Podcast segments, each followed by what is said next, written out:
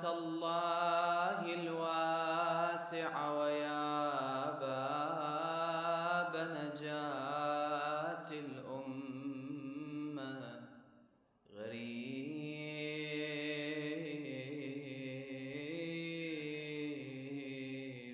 يا مظلوم كربلاء. السلام على الحسين. وعلى علي بن الحسين وعلى أولاد الحسين وعلى أصحاب الحسين. السلام عليك وعلى ابن عمك وثقتك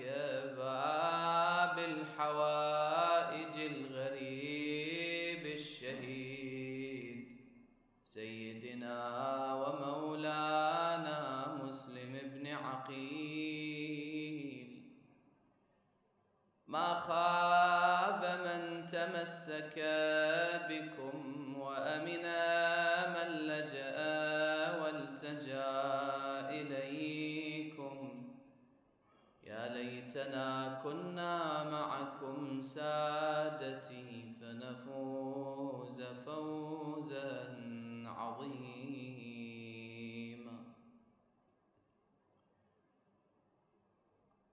لو كان ينفع للعليل غليل.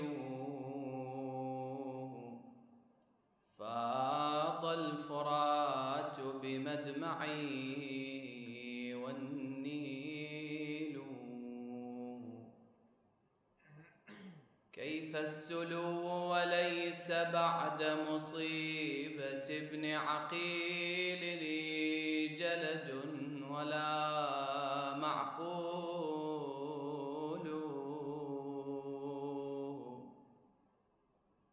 خطب أصاب محمدا ووصيه. لله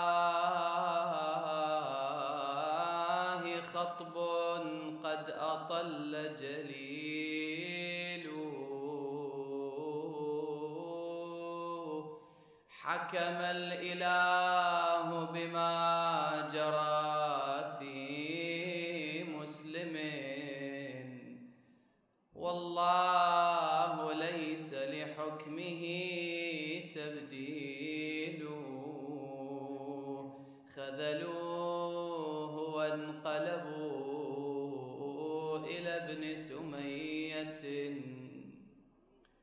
وعن ابن فاطمة يزيد بديل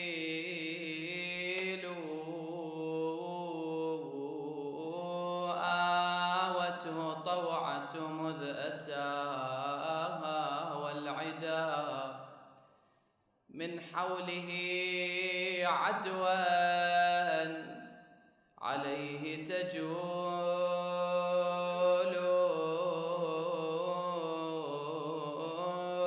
فدعا الدعي جيوشه فتحزبت.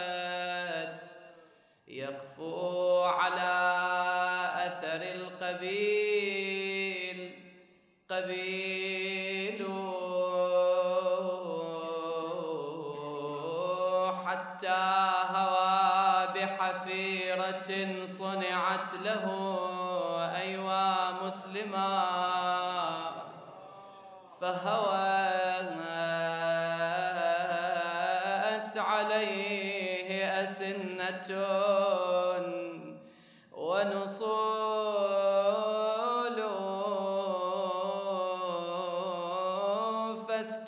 فاستخرجوه مثخنا بجراحه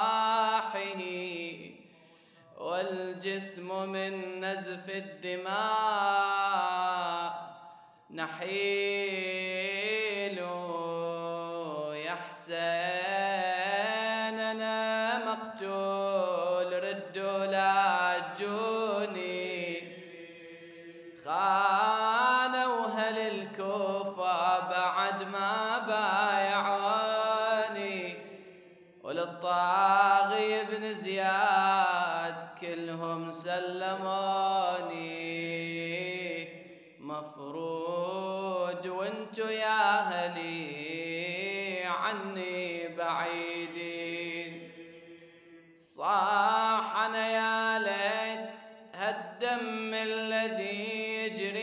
على القاع. مسفوح بين يديك يا مكسور الأضلاع. يا حيف منك ما احتضيت بساعة وداع.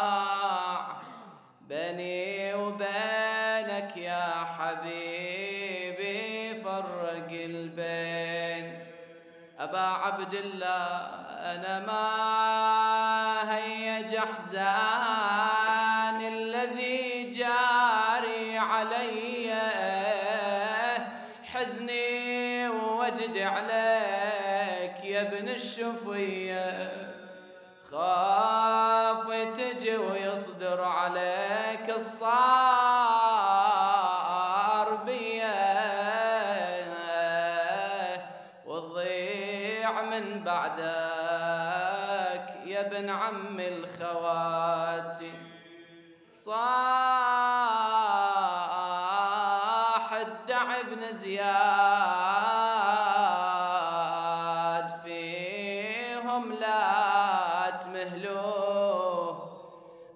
بالعجل من فوق القصر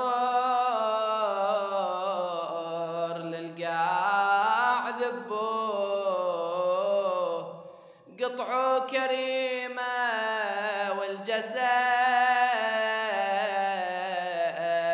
بالحبل سحبوه بالسوق ما بين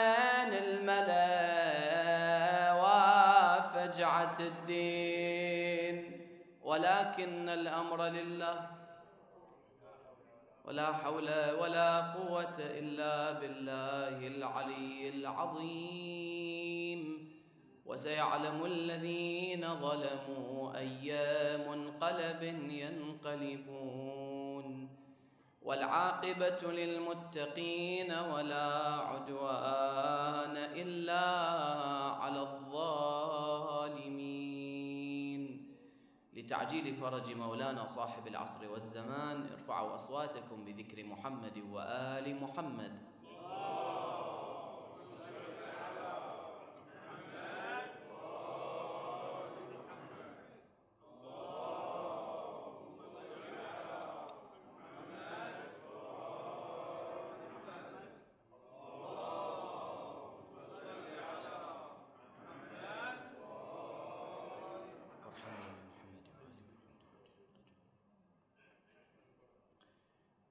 السفير أو النائب الخاص للإمام المعصوم عليه السلام هو من نص عليه الإمام بتوقيع من عنده سلام الله عليه وبختمه الشريف أنه واسطة بينه وبين عامة المؤمنين.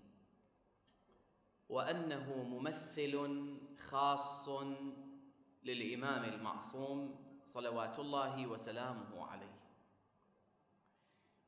ومن هنا لما كانت هذه المهمة في غاية الدقة والخطورة كان لا بد لهذا السفير المختار أن يتحلى بجملة من الصفات. والميزات التي يختلف بها عن غيره من عامة المؤمنين.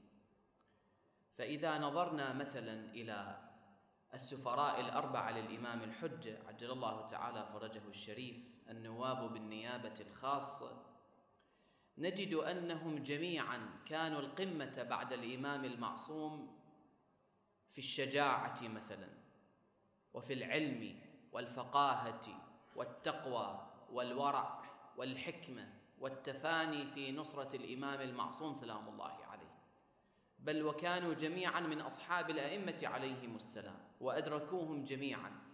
وصدرت التوثيقات من قبل إمامنا صاحب الأمر عجل الله تعالى فرجه الشريف ومن أبيه الإمام العسكري عليه السلام في وصف وثاقتهم وبيان شأنهم العظيم بين الناس. وكذلك سفير الحسين سلام الله عليه النائب الخاص لسيد الشهداء عليه السلام مسلم بن عقيل. فناهيك عن الشجاعة حيث أنه كان صاحب ميمنة أمير المؤمنين عليه السلام في صفين وناهيك عن علمه وتقواه وورعه هذه الصفات التي كشف عنها الحسين عليه السلام حينما قال إني مرسل لكم ثقتي والمفضل من أهل بيتي. المفضل سواء كان على الإطلاق أو ضمن مجموعة معينة قصدها الإمام مهما يكن من أمر إلا أن هذه الكلمة تدل على علو شأن مسلم بن عقيل. إلى جانب كل تلك الصفات العظيمة إلا أنه كان يتحلى بصفة هي أهم صفة لا بد أن تتواجد في من يشغل هذا المنصب. هذه الصفة هو الإخلاص والتسليم التام والاستعداد للتضحية وفداء النفس وكل شيء للإمام المعصوم سلام الله عليه. وهذا أمر صعب. كونه ممثلا عن الإمام يعني يتحلى بهذه الصفة لا يتحلى بها إلا الأوحدي من الناس مو كل واحد. وهذه الصفة بالتحديد هي التي يحتاجها الإمام المعصوم سلام الله عليه ليقوم هذا الرجل هذا الشخص المعني. الذي تحلى بهذه الصفة أن يقوم بأعظم مهمة على وجه الأرض وهي مهمة الإمام المعصوم سلام الله عليه.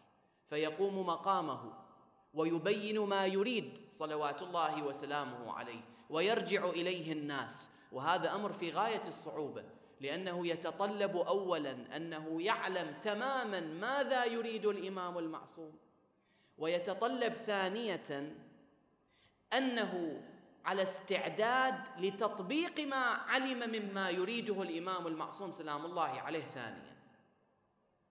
وكما قلت هذا لا يتوفر إلا للأوحدي من الناس. مو كل واحد يقدر يقدر يصل إلى هذه المرتبة. أن يعلم كل ما يريده الإمام وأن يطبق تماما ما يريده الإمام المعصوم هذا أمر صعب. ولهذا كان الحسين عليه السلام دقيقا في اختيار من يبعثه إلى الكوفة. وهو مسلم بن عقيل. هذا اللي كان مع علمه بشهادته كما أخبر بذلك رسول الله صلى الله عليه وآله وسلم. لما سأله أمير المؤمنين قال يا رسول الله أتحب عقيلا عقيل بن أبي طالب والد مسلم. أتحب عقيل؟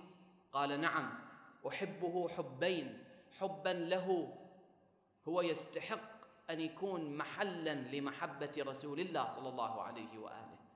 وهذا يبين زيف الادعاءات التي أثيرت على شخصية عقيل رضوان الله تعالى عليه. فإن رسول الله صلى الله عليه وآله وسلم لا مجاملة عنده مع أحد.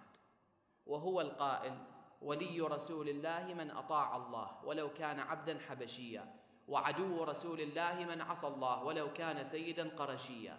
هذا المعيار عند النبي صلى الله عليه وآله. لكن مع ذلك يحب عقيل حبا له هو لذاته يمتلك من الخصال عقيل بن أبي طالب. ومن الكمالات ما يؤهله أن يكون محطا لمحبة رسول الله صلى الله عليه وآله. حبا له وحبا لحب أبي طالب له. أبو طالب هذا وصي نبي الله إبراهيم.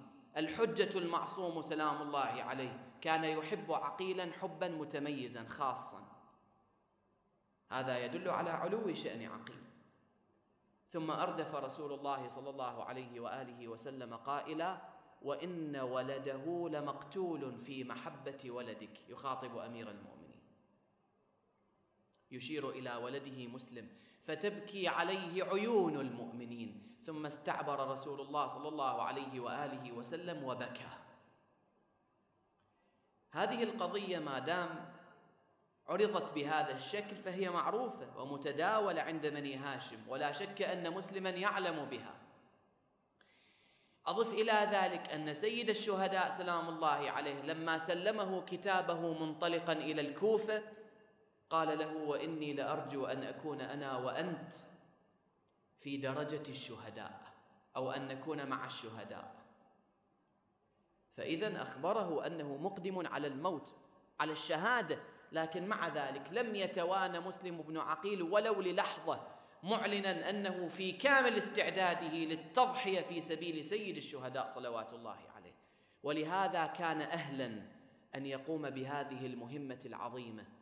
أن يكون ممثلا عن الإمام المعصوم سلام الله عليه. هذا اللي لا تأخذه في الله لومة لائم.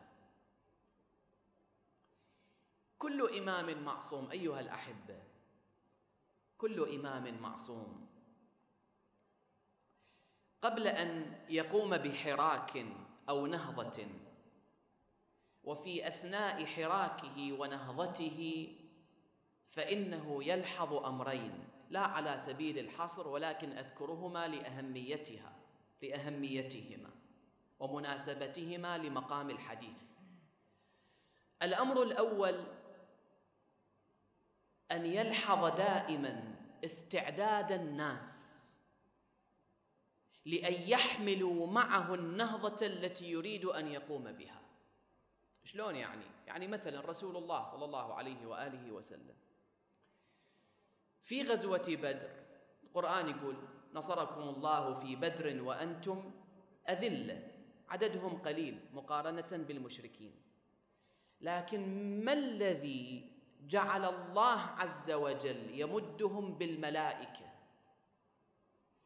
ما جعل الله يمدهم بالملائكة هو استعدادهم وتفانيهم. أتكلم عن الحالة العامة. ما علينا من بعض الاستثناءات والشواذ اللي موجودة في كل في كل حركة وفي كل مكان وفي كل زمان. لكن الحالة العامة لجيش المسلمين كانت الاندفاع للتضحية وفداء النفس لنصرة دين الإسلام. لما كانت هذه الحالة المو... هذه الحالة موجودة أنزل الله عز وجل النصر من بواسطة الملائكة. نصركم الله في بدر وأنتم أذلة. تقريبا ثلث عدد المشركين كانوا في ذلك الوقت. أما في غزوة أحد على النقيض من ذلك.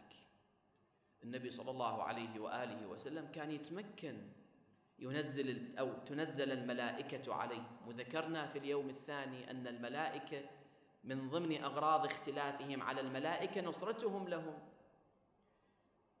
هم حاضرون لخدمة أهل البيت. يقدر النبي لو ما يقدر؟ يقدر نعم. يطلب من الله عز وجل فيمد بالملائكة. لكن ليش كتب للمسلمين الهزيمة في أحد؟ لأن التخاذل كان من عندهم موجود. هم لم يلزموا رسول الله صلى الله عليه وآله وسلم لم يلزموه. رسول الله أمر الرماة أن يبقوا فحليت الدنيا في أعينهم. شافوا الغنائم خافوا على كل واحد على حصته فخالفوا أمر رسول الله صلى الله عليه وآله ونزلوا. بعد خلاص. ما دام التخاذل صار منكم النصر لا يقدم على طبق من ذهب. وهذا ديدن الأئمة المعصومين سلام الله عليهم. كما ذكرنا يوم أمس قضية أمير المؤمنين عليه السلام مع مالك الأشتر. قريب قريب جدا قريب. قال له ارجع يا مالك لأن صار التخاذل من معسكر أمير المؤمنين سلام الله عليه. خدعوا وغروا. فالإمام المعصوم دائما يلحظ استعداد الناس.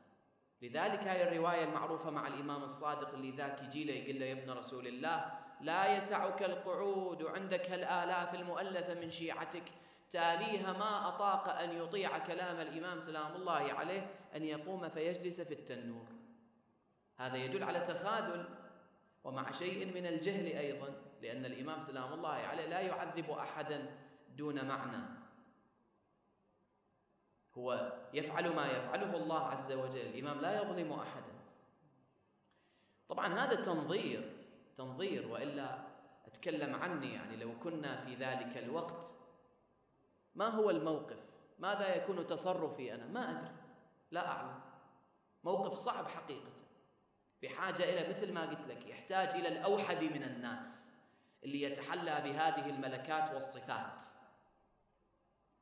فإذا أول أمر يلحظه الإمام سلام الله عليه هو توفر الاستعداد عند الناس.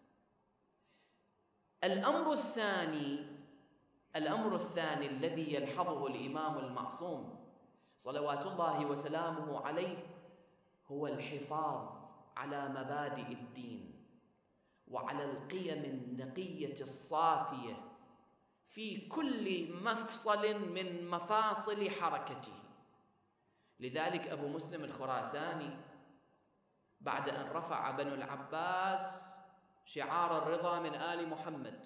كله كذب كذب كذبا وزورا مجرد للوصول إلى غاياتهم التي يريدونها. استخدموا أهل البيت سلام الله عليهم كاسم. بعد أن ارتكب أبو مسلم تلك المجزرة اللي قل لها نظير في تاريخ الإنسانية أجل الإمام الصادق سلام الله عليه. حتى لا يقال أنه كاذب واستغلالي أجل الإمام الصادق. قال له يلا يا ابن رسول الله هذه الخلافة لكم. رفضها الإمام الصادق سلام الله عليه. وشنو قيمة انتصار عسكري؟ يبنى على ظلم الناس يبنى على انتهاك الأعراض يبنى على هدم مبادئ الدين وما قيمة الانتصار العسكري. النصر العسكري ما وضع إلا لوسيلة لتحقيق هدف الإمام سلام الله عليه وهو تثبيت المبادئ في نفوس الناس ربطهم بالدين حتى كل واحد يكون هو المحرك لنفسه ما يحتاج واحد يحركه التحرك يصير ذاتي من اندفاع من الداخل. إن الله لا يغير ما بقوم حتى يغيروا ما بأنفسهم. كذلك سيد الشهداء صلوات الله وسلامه عليه. من أول يوم من أول يوم قرر أن ينهض بهذه النهضة المباركة عزم على أن يحافظ على كل مبدأ من المبادئ. أول ما بدأ الحسين سلام الله عليه. أريد أن آمر بالمعروف وأنهى عن المنكر وأسير بسيرة جدي وأبي. مع أن الكثير لا يروق لهم هذا الكلام. والحسين سلام الله عليه يعلم سيرة جدي ما يخالف أما سيرة أبي شنو؟ وكم عدد المسلمين الذين يقبلون بسيرة أمير المؤمنين؟ سلام الله عليه. لكن من البداية سيد الشهداء كان واضح. الحسين عليه السلام كان بإمكانه يقول أن أسير بسيرة جدي وربما تجمع الناس حوله أكثر وبعدين يغير يقول ها لا أسير بسيرة أيضا أبي أمير المؤمنين سلام الله عليه. لكن حينئذ ما استفدنا شيء ما استفدنا شيء. لذلك كان حريصا منذ البداية وواضحا تمام الوضوح وإن كلفه ذلك أن لا يعجب بعض الناس ما يخالف أهم شيء أن أكون صريح وواضح في حركتي. ولهذا كل مصلح خذها قاعدة كل مصلح كائنا من كان إذا لم يتسم بصفة الوضوح والصراحة فهذا لازم تحط عليه علامة استفهام. المصلح لا بد أن تكون من أوضح وأبرز سماته الصراحة في مبادئه والوضوح من القاعدة التي ينطلق منها. ثم بعد ذلك لما توالت الأحداث أيضا أعلنها الحسين سلام الله عليه منذ البداية. لما أرسل كتابا إلى بني هاشم في المدينة قال من لحق بي شنو صار؟ أمير؟ صار قاضي القضاة؟ من لحق بي استشهد أنا مقدم على الموت على الشهادة. ومن لم يلحق بي لم يدرك الفتح. الفتح الحسيني العظيم. سلام الله عليه. وخطب خطبته في مكة خط الموت على ولد آدم. ولما وصل إليه خبر مقتل مسلم بن عقيل قام مرة أخرى خاطبا في الناس وأخبرهم بمقتل مسلم. ولهذا تقول الروايات أن بعض من كانوا مع الحسين والتحقوا به في مكة لما علموا بأن مسلما قد قتل تركوا الحسين تركوا الحسين. كل واحد يطلب لنفسه السلامة. ما يخالف الحسين يقول نستشهد نستشهد. ما نتوقع لهالدرجة هذه. ربعنا نقتل ثلثنا نقتل. مو كلنا. بالنتيجة كل واحد يريد ينجو ويصير له باع. في السلطة القادمة في الحكومة الحسين سلام الله عليه. مو أنه يقتل وهي هي تنتهي الدنيا. فكان سيد الشهداء صلوات الله وسلامه عليه حريصا. على تمام الوضوح والصراحة فلم يغرر بأحد ولم يخدع بأحد.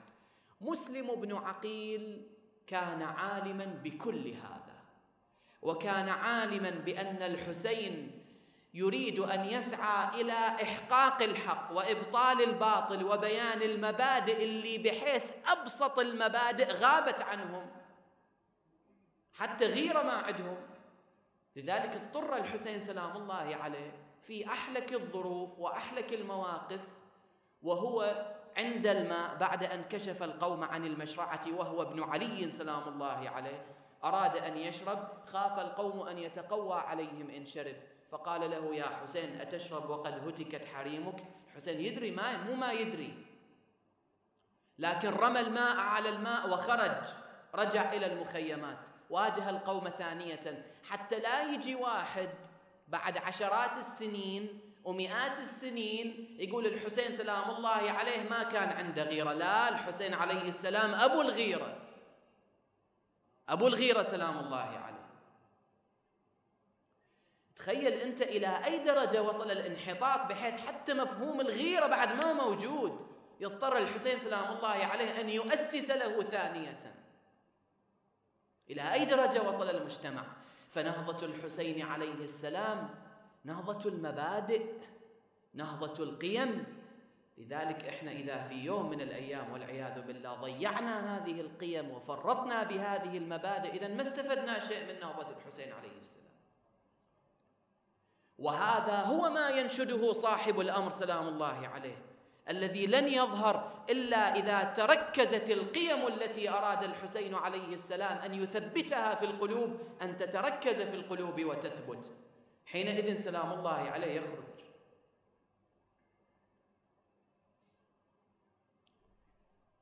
مسلم بن عقيل سلام الله عليه كل هذا يدري به ويعرفه جيدا ويعرف ماذا يريد الإمام المعصوم. بل ويستطيع أن يطبق ما يريد الإمام المعصوم سلام الله عليه حتى لو كان في أصعب المواقف. هاني ابن عروة يقول له اختبئ يا مسلم. يجي عبيد الله بن زياد يدخل إلى الدار ما حد يدري. بس أنا وياك وعبيد الله بن زياد موجودين. أنت حامل سيفك تطلع تقتله وتنتهي القضية. والفتنة بعد خلاص تنتهي تنقضي. وربما ربما لو فعلا قتل عبيد الله بن زياد أقول ربما لتمكن الحسين عليه السلام بتوالي الأحداث أن ينتصر عسكريا. لكن شنو الفائدة؟ حينئذ يسجل في التاريخ أن الحسين عليه السلام انتصر بالغدر والمكر والحيله وهذا ما لا يريده سيد الشهداء. إذا لا معنى لكل نهضته. وإذا بمسلم بن عقيل. يمتنع وهانئ يصرح يلمح أو يلمح وكاد أن يصرح حتى أحس ابن زياد بالخطر. طلع من عند هانئ. هانئ قال للمسلم قال إيش سويت؟ كنت قاب قوسين أو أدنى من ابن زياد. فأجاب كلمته المعروفة التي خلدها التاريخ. هذا الموقف هو الموقف الذي كان ينشده الحسين وعرف الحسين من يجعل سفيرا له ممثلا عنه عليه السلام حاملا لمبادئه وأفكاره وقيمه. قال الإسلام قيد الفتك. أو الإسلام قيد الفتك. الوجهان صحيحان. المؤمن لا يغدر مسلم لا يغدر ولا يمكر. أمير المؤمنين سلام الله عليه يقول لا أصلحكم بفساد نفسي. المصلح لازم يكون هو صالحا اولا حينئذ يصلح غيره. هذا مسلم بن عقيل العظيم العظيم العظيم اللي لو مهما ذكرنا من عظمته ومقامه لن نصل. يكفي أن الإمام المعصوم الذي يجري في حقه ما يجري في حق رسول الله ما ينطق عن الهوى إن هو إلا وحي يوحى. يجي يسلم على مسلم بن عقيل ويخاطبه بنفس ألفاظ الزيارة التي يخاطب بها العباس سلام الله عليه. يقول له أشهد أنك لم تهن ولم تنكل وأنك قد مضيت على بصيرة من بصيرة بصيرة. هاي البصيرة مو مو عند كل واحد تتحصل. اللي هو رشيد الهجري رضوان الله على رشيد من حواريي أمير المؤمنين. عنده علم المنايا والبلايا. الإمام سلام الله عليه يصف درجة إيمانه فيقول كان مستضعفا. هذا مو ذنب بيان لمرتبة إيمانه. أما مسلم بن عقيل الإمام يخاطبه يقول له أشهد أنك قد مضيت على بصيرة من أمرك مستبصر في إيمانه. فما هو مقام مسلم؟ ولهذا الحسين سلام الله عليه قال باعث إليكم ثقتي. الموثق هو الحجة هو المعصوم سلام الله عليه. ثقتي والمفضل من أهل بيتي. تاليها هذا الرجل العظيم بعد أن تتوالى أحداث الكوفة سريعا في تفصيل يأخذ أربعة آلاف فارس مع أربعة قادة يحيطون بقصر ابن زياد. وصار ابن زياد يستخدم أسلوب الترغيب والترهيب من الصباح إلى المغرب. لم يبق مع مسلم بن عقيل إلا ثلاثمائة. يجي الأب يأخذ ولده. الأم تبكي عند ولدها تأخذه. الزوجة تخذل زوجها. الأخت تخذل أخاها. من هالأربعة آلاف ما بقى إلا ثلاثمائة. الناس عبيد الدنيا والدين لعق على ألسنتهم يحوطونه ما درت معايشهم فإذا محصوا بالبلاء قل الديانون. كلام سيد الشهداء سلام الله عليه. دخل إلى المسجد شرع في صلاته وإذا بهؤلاء الثلاثمائة لم يبق منهم إلا ثلاثة التفت مسلم بعد أن فرغ فوجدهم خلفه. قام مسلم طلع من المسجد توجه إلى كنده وإذا به يلتفت خلفه فلا يرى أحدا. غربة غربة أسأل الله بحق مسلم أن يرجع كل غريب إلى وطنه وأن يفرج كربة كل مكروب. وأن يكشف هم كل مهموم. شنو من ساعات صعبة عاشها مسلم بن عقيل؟ مو خايف على نفسه لا والله. يقول له حزني ووجدي عليك يا ابن الشفية قلبه عند سيد الشهداء سلام الله عليه عند الحسين عليه السلام. كوفة والدنيا ظلام والجو جو رعب وإرهاب وتهديد. الأبواب مغلقة. الزقاقات فارغة الأزقة فارغة وإذا بمسلم بن عقيل يسير فأوصلته هداية الله عز وجل إلى دار تلك المرأة الطيبة الطاهرة. طوع وما أدراك من طوع. أسند ظهره إلى الجدار صار يتأمل في السماء ينظر في النجوم ودموعه تجري على خديه متحير. لا يدري ماذا يصنع. وإذا بطوعة فتحت الباب تنظر ولدها تأخر عن المجيء وكان عينا من عيون ابن زياد. وإذا بها ترى هذا الرجل واقف على الباب ترى مسلم. يا عبد الله ما حاجتك؟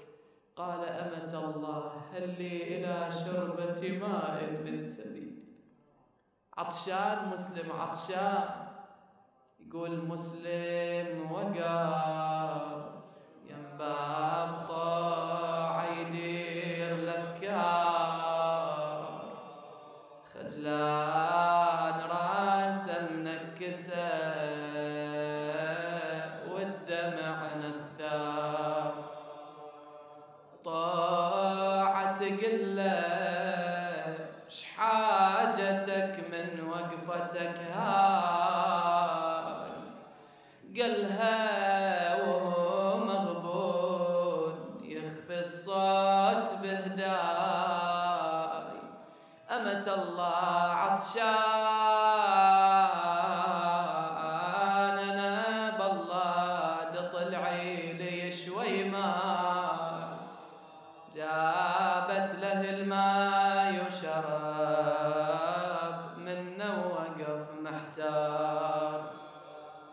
أعطته الماء ودخلت إلى الدار.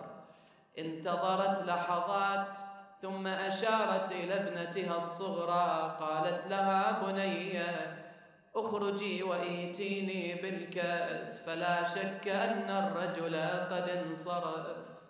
طلعت البنت رجعت إلى أمها ودموعها تجري على خديها ما بك بنيه قالت يما الرجل بعد قاعد على عتبة الباب لكن شفته بمنظر قطع نياط قلبي. رأيته واضعا رأسه بين ركبتيه ينادي وغربتاه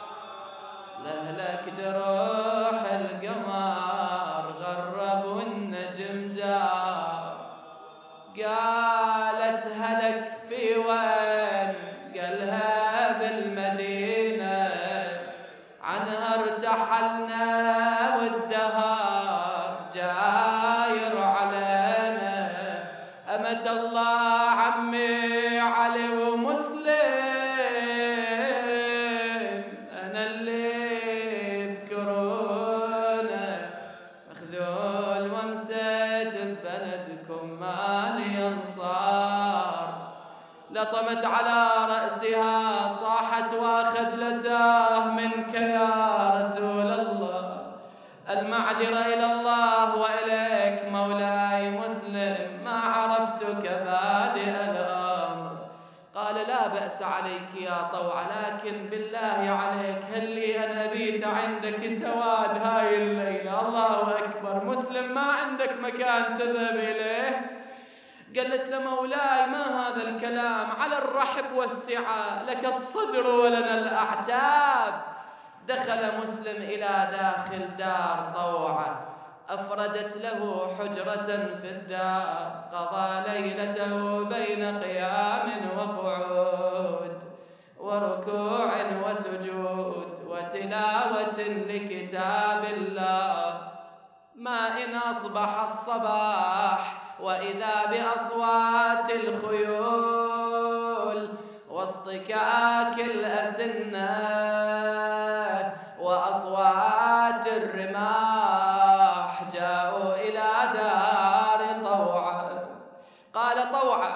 بلامة حربي. تقلد انهض لفاك الجيش يا حيد. يردون يولونك يا صنديد. يودوك لابن زياد ويزيد. أريد أن مراجل عمك تعيد. وتخلي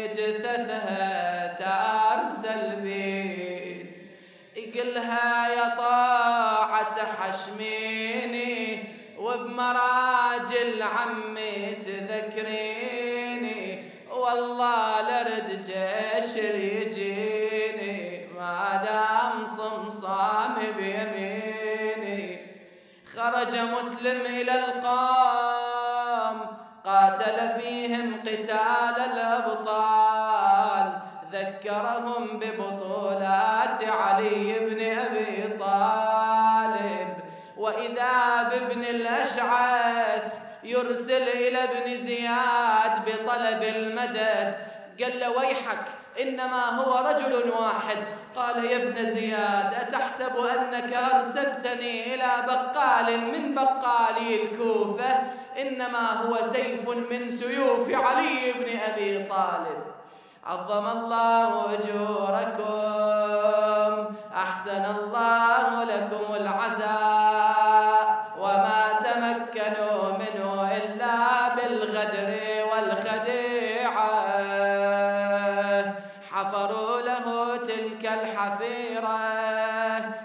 ستروها عن بينما هو يقاتل وإذا به يقع في تلك الحفيرة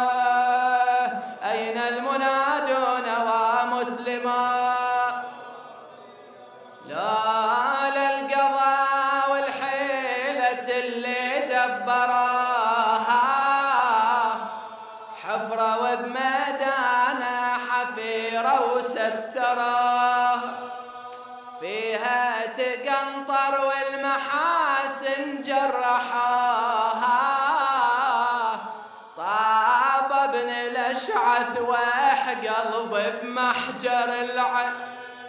تجمعوا على مسلم هذا يضربه بالسيف هذا يطعنه بالرمح.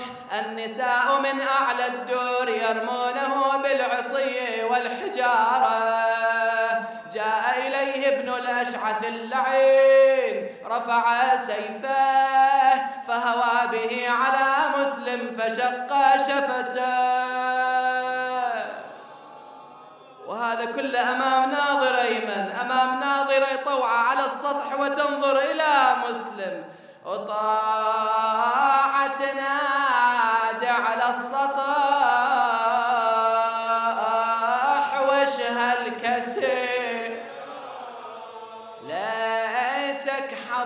اليوم يا شيخ العشير ابن عمك الموثوق.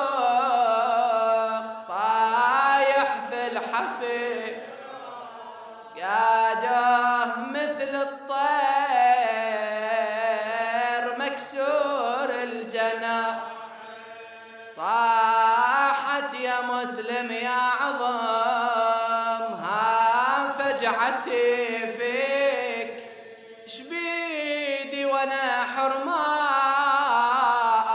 ضعيفة وما أقدر احميك لو يتركونك كان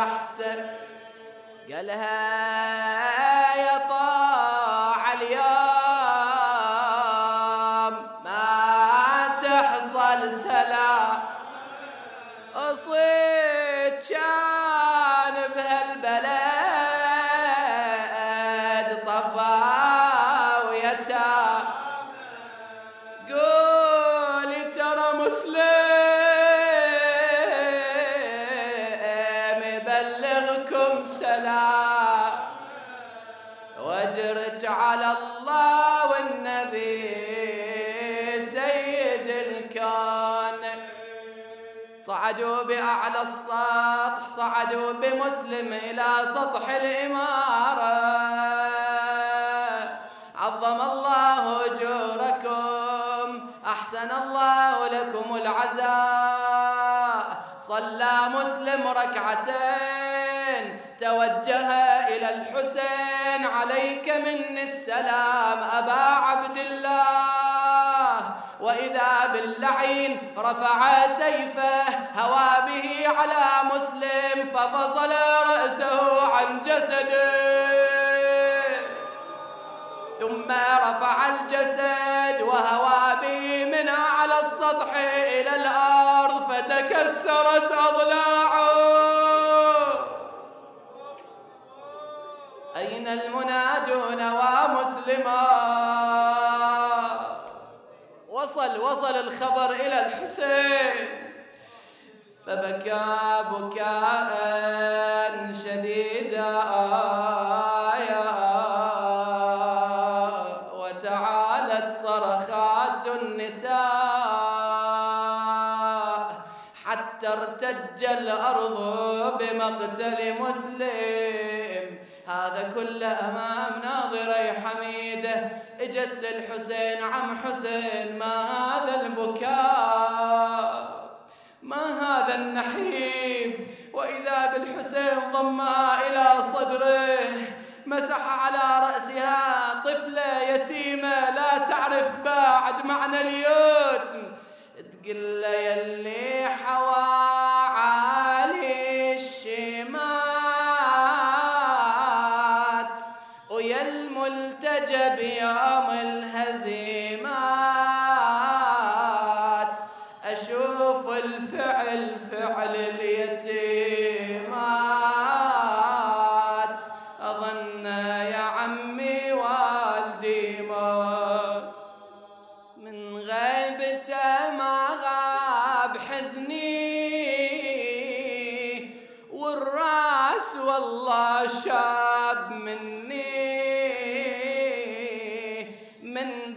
صار الحزن فني. ليت يا عمي خيب ظني. تدري الأبو يا عمي ظلال بوجودهن آمن على الحال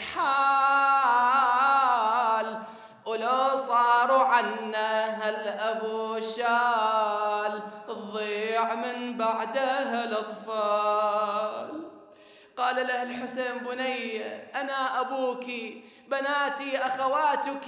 وراحت الأيام وإجت الأيام وطوعة تحفظ وصية مسلم. قال لها مسلم سيأتي ركب حزين يدخلون إلى الكوفة. ركب السبايا ترين الأطفال حفاة يمشون على الثرى.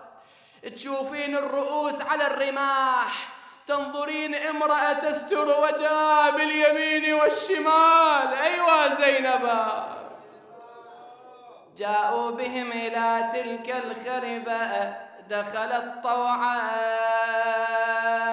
لما نظرت إلى الأطفال عرفت حميد. شمائلها شمائل مسلم لكن تدري من ضمن النسوة أكو زينب؟ فقالت أيكن زينب؟ الله يا طوعة أنت مو من أهل الكوفة. زينب كانت في الكوفة كيف يخفى عليك وجه زينب؟ قالت زينب اللي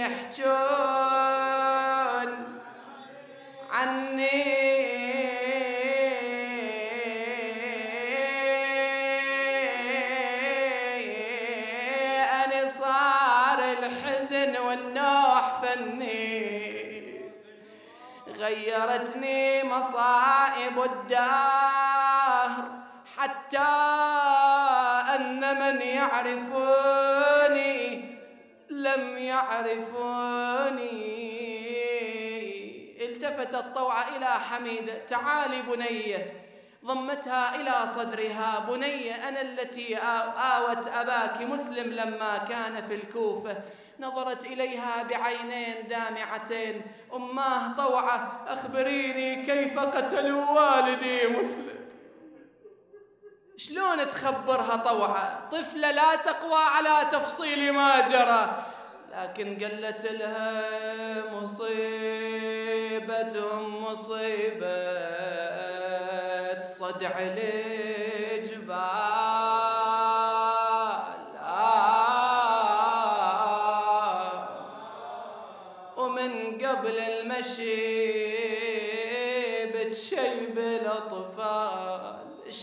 طوعة.